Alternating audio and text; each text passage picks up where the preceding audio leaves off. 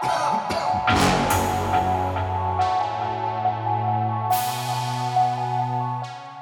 posle.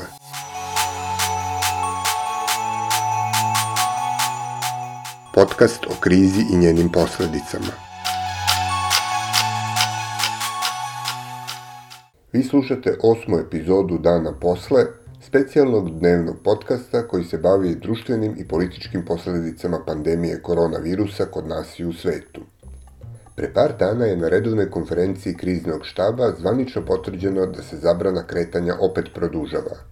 Najnovija verzija policijskog časa traje od petka u pet popodne, pa sve do ponedeljka u pet ujutru. Nedeljni termin u kome stariji od 65 godina mogu da izađu do prodavnice, pomeren je sa subote na petak, ali ostaje rezervisan za najranije jutarnje časove, sve kako bi se penzioneri što više obeshrabrili da iskoriste ta svoja 3 sata slobode. Nije nimalo lako pohvatati sve ove iznenadne promene u rasporedu. Jedina stvar koja u moru naredbi ostaje neizmenjena je to da je svim osobama preko 65 godina, ako izuzmemo pomenuti termin za nabavku, sloboda kretanja već skoro četiri nedelje u potpunosti ukinuta. Ostalima se kućni zatvor produžavao postepeno. Prvo se napolje nije smelo od 8 uveče, pa od 5, pa vikendom od 3, Sada je vikend u potpunosti eliminisan, a nad glavom nam i dalje visi 24-časovni karantin neograničenog trajanja, za koji je šef premijerke rekao da ne vidi zašto bi morao napred da ga najavi. Svakako da je važno biti u toku. Znali ili ne znali kada počinje, svima koji se nađu napolju za vreme policijskog časa preti novčana kazna u iznosu između 50 i 150 hiljada dinara. Za kršenje naredbe o samoizolaciji Pored novčane predviđena je kazna zatvora do 3 godine, koju čini se sudije prethodnih dana rado dele, i to po kratkom postupku preko Skype-a. Međutim, ta inovativna praksa je naišla na negodovanje pravničke struke, koja u njoj vidi kršenje nekih osnovnih ljudskih prava. O zabrani kretanja i vanrednom stanju, kao i o tome koja su nam još ljudska prava uskraćena i na koji način, razgovarali smo sa Sofijom Mandić iz Centra za pravosudna istraživanja.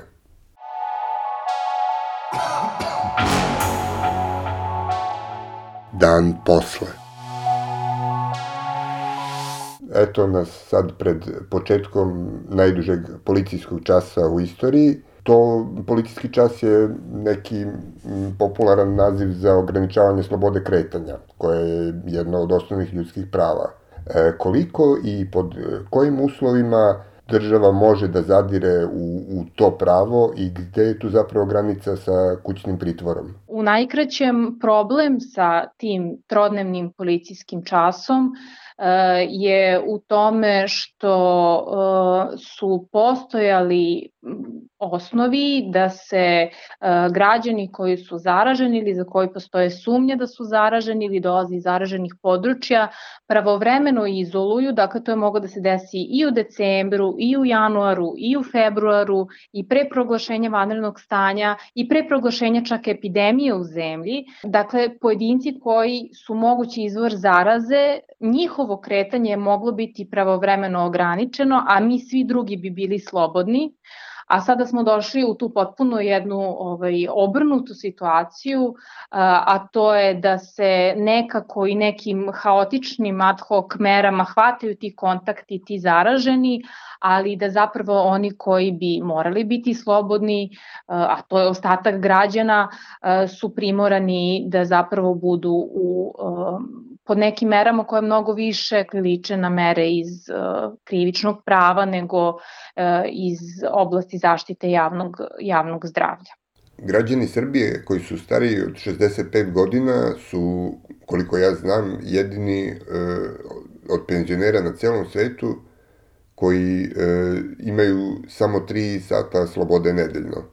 E, koliko bi oni mogli da imaju osnova za tužbu protiv države zbog protivpravnog lišavanja slobode, e, a i fizičkog zlostavljanja, jer je fizičko kretanje jedna od osnovnih stvari neophodnih za zaštitu i održavanje zdravlja.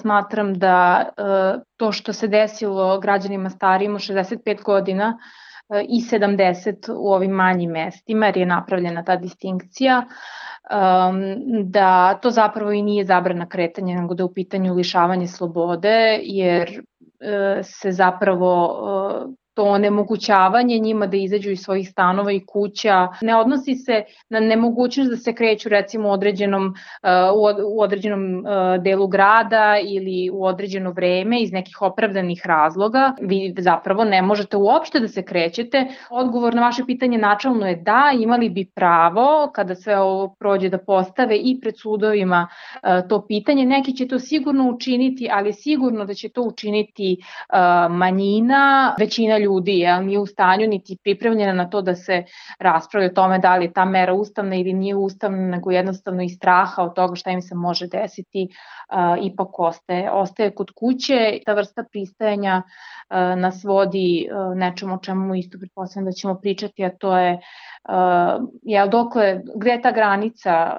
do koje mi možemo da trpimo i šta kada vanredno stanje prestane, ovaj, koliko će ovakve slične mere za nas postati normalne ili normalizovane. Uđenju policijskog časa prethodilo je, e, prvo se desilo e, protivustavno uvođenje vanrednog stanja. Šta za državu u ovim okolnostima znači suspenzija parlamenta? Epidemija nije proglašena na vreme, Mi smo prvo uveli vanredno stanje, onda smo rekli da mi ipak imamo epidemiju na našoj, na našoj teritoriji. Dakle, u toj odluci o proglašenju vanrednog stanja sa jedne strane nema osnova, dakle, zbog koja to javna opasnost je dovela do toga da mi uvodimo vanredno stanje. S druge strane, vanredno stanje nije oročeno, ja sam takođe o tome pisala i to me vrlo u startu zabrinulo. E, dakle, to su, to su dve sporne stvari i treća uh, koja bi se mogla staviti na prvo mesto jeste uh, ta o sastanju na, uh, Narodne skupštine zbog čega su vanredno stanje proglasili zajednički predsednik, predsednica skupštine E, i predsednica vlade, e, tvrdeći da Narodna skupština ne može da se sastane. Postoje različiti načini da se skupština sastane e, i u nekakvim bezbednim uslovima o kojima smo takođe ovih dana slušali od lekara, dakle udaljenost 2 metra, maske, ovaj, čak je Narodna skupština mogla i na otvorenom da se sastane. Postoje neki argumenti Pa dobro, kakve veze ima i ovako uh, vlada ima dvotrećinsku većinu, jel, ima podršku dve trećine poslanika, to ništa ne bi promenilo, vanredno stanje bi svakako bilo uvedeno. Uh, međutim, mislim da, da, uh, da tu ipak postoji razlika. Uh, mi imamo i poslanike koliko, koliko god ih je malo uh, koji su opozicioni, koji bi mogli da postave nekakva pitanja o nužnosti uvođenja nekih mera ili uopšte uvođenja, uvo, o nužnosti uvođenja vanrednog stanja stanja, a, takođe i tu raspravu bi građani mogli da prate. U Mađarskoj je nedavno premijer Viktor Orban dobio ovlašćenja da e, pod izgovorom borbe protiv epidemije vlada praktički neograničeno i e, to bez ikakvog nadzora parlamenta. E, kako mi stojimo u poređenju s Mađarskom? Ja mislim da smo mi tu, e, eto možda ćete se iznenaditi, čak malo ispred Mađarske. Zašto? Zato što je naš ustav ovim izuzetkom, o kom smo malo pre pričali, e, da e, ovaj trojac umesto Narodne skupštine može da donese odluku o proglašenju vanrednog stanja. Dakle, mi smo već tim ustavnim rešenjem, odnosno ustavnim izuzetkom, uradili ono što je Mađarska naknadno uradila usvajanjem tog zakona. Dakle, u tom domenu smo mi svakako bili nekoliko koraka ispred, naravno u negativnom, u negativnom smislu. Ono što znamo iz nekih ranijih iskustava, uh, to je da su gospodin Vučić i Orban u odličnim odnosima i da nekako kopiraju te svoje načine vladanja, jedan od drugog prepisuju. Mislim, ako, ako u ovoj e, stvarno ne, neveseloj situaciji ovaj, možemo oko nečeg da se našalimo, e, to je da mi se, da mi se čini da oni verovatno u tim svojim neformalnim razgovorima onako sa užitkom pričaju o tome ko je kako i na koji e, perfidan način uspeo još malo e, neograničene vlasti da, da prigrabi za sebe. E, tako da u tom nekom formalnom smislu mislim da smo mi zbog tog ustavnog rešenja ovaj, za, za taj jedan negativni korak ispred Mađarske.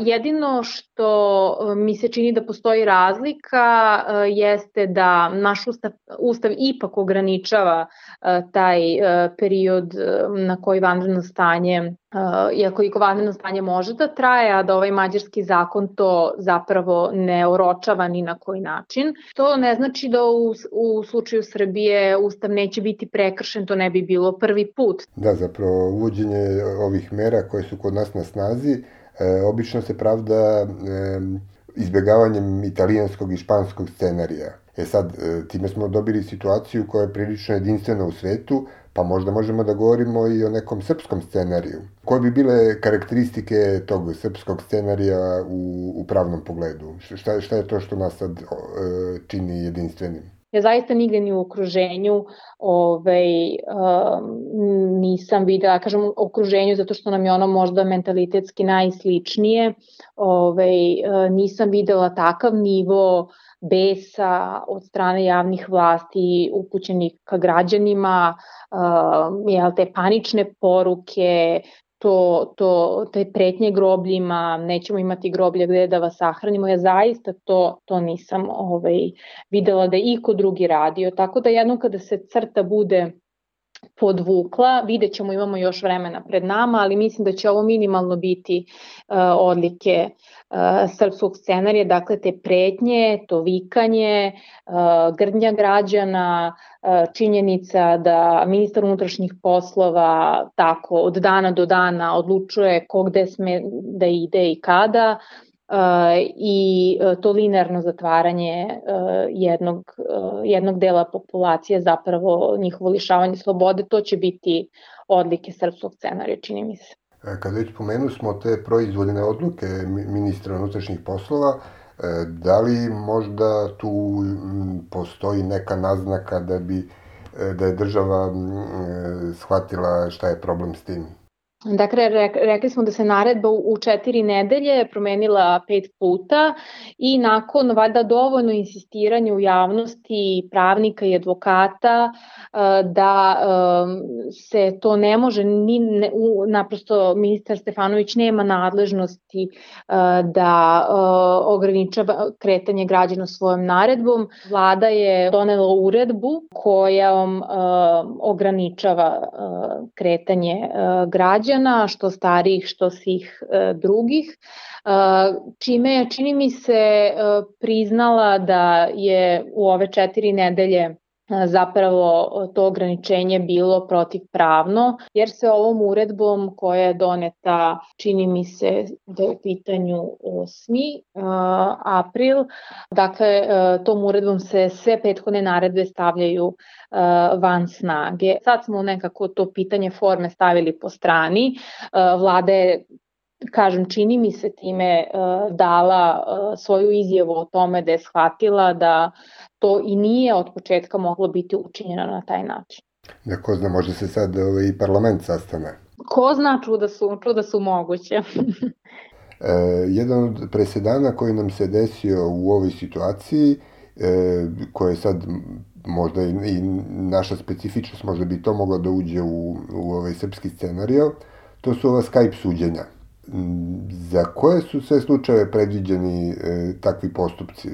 u nekoliko, u nekoliko dana se tu svašta dogodilo. Imali smo prvo preporuku a, Ministarstva pravde, a, imali smo preporuku a, izvršne vlasti ka sudskoj vlasti kao nezavisnoj, da uh, u slučajevima uh, krivičnih dela koje se tiču kršenja uh, epidemioloških propisa, ajde tako najkraće da kažemo, da održe suđenje po hitnom postupku i to tako što će uključiti okrivljenog putem video linka ili Skype, Skype-a ispostavila se to na, na kraju da je, da, da, je, da je Skype, ali evo, može biti bilo koji drugi vid elektronskog uključivanja Dakle, imali smo prvo tu preporuku koja samo po sebi ne, ne znači ništa, ali smo videli da su neki sudovi vrlo um, ekspeditivno tu preporuku, znači ona nije imala prav, pravno obavezujući um, značaj, uh, ali da su zapravo u roku od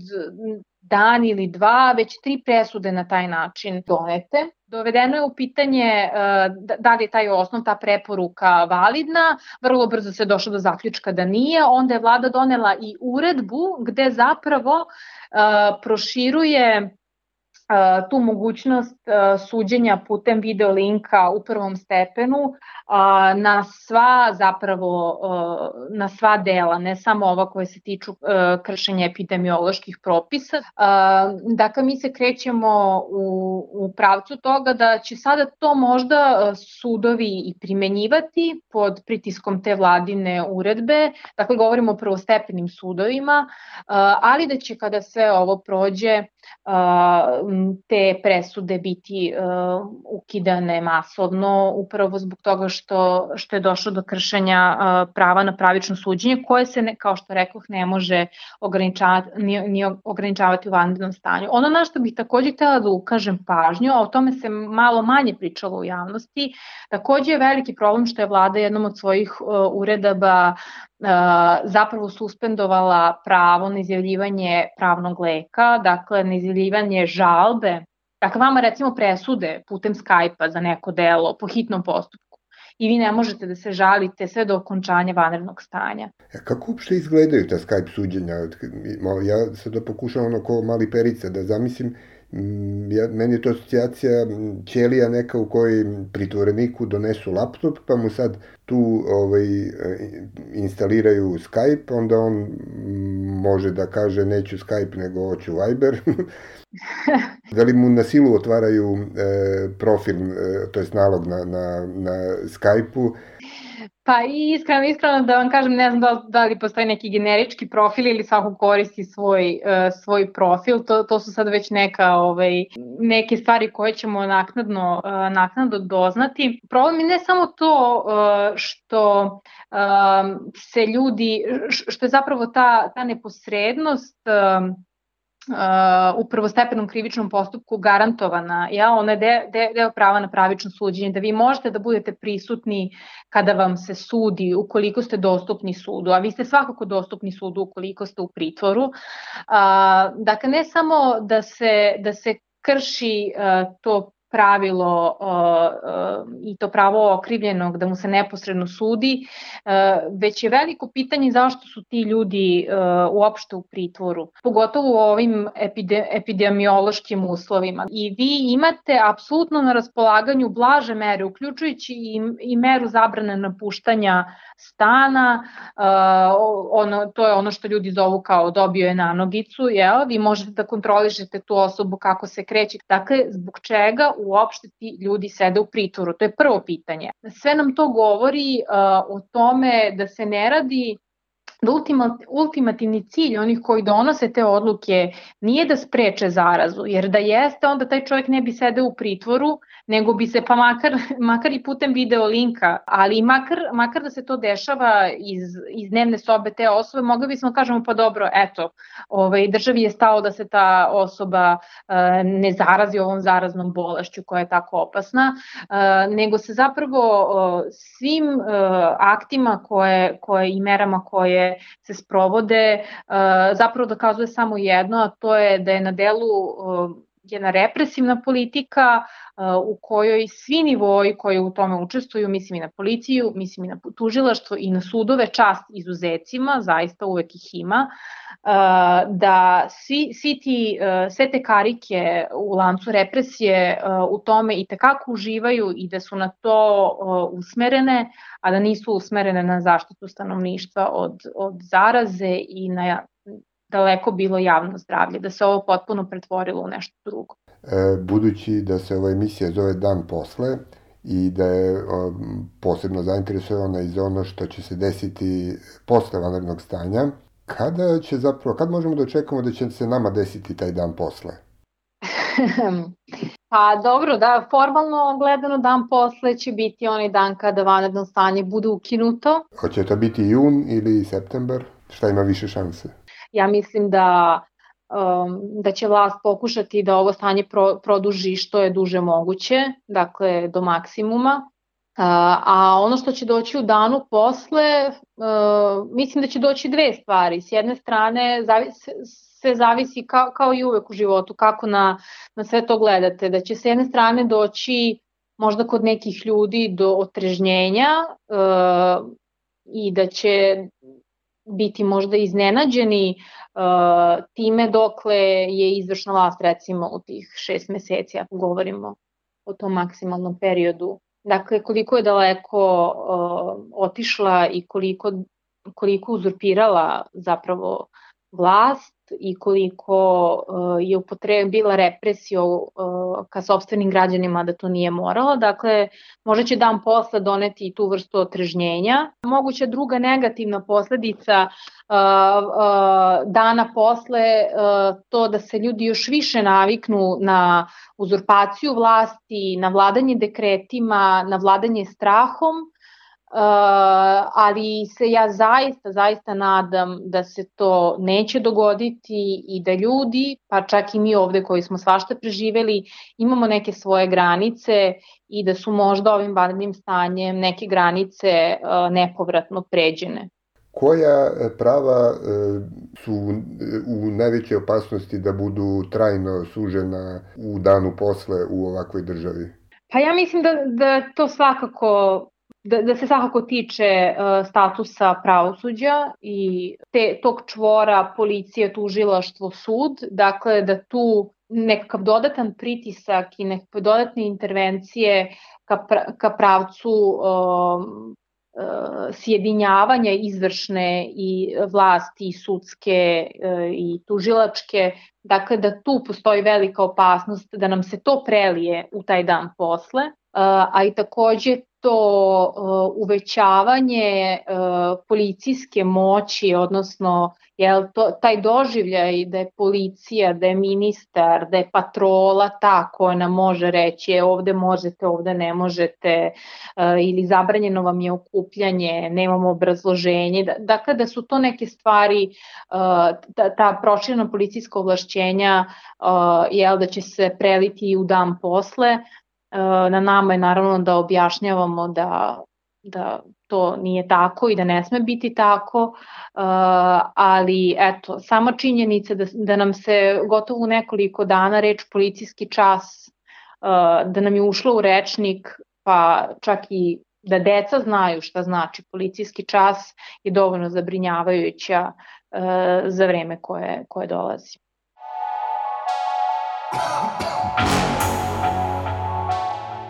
Dan posle. Slušali ste epizodu Dana posle za 10. april 2020. godine. Sutra ćete, za vreme policijskog časa, moći da čujete novu epizodu s novim sagovornikom. Pridržavajte se mera zaštite od koronavirusa, čuvajte svoj i tuđe živote i ne ćutite pred glupošću i nepravdom.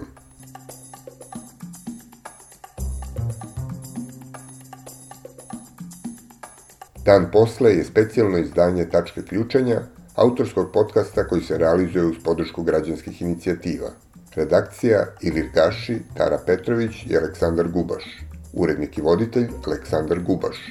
Muzika Zeifol i Ben Sound.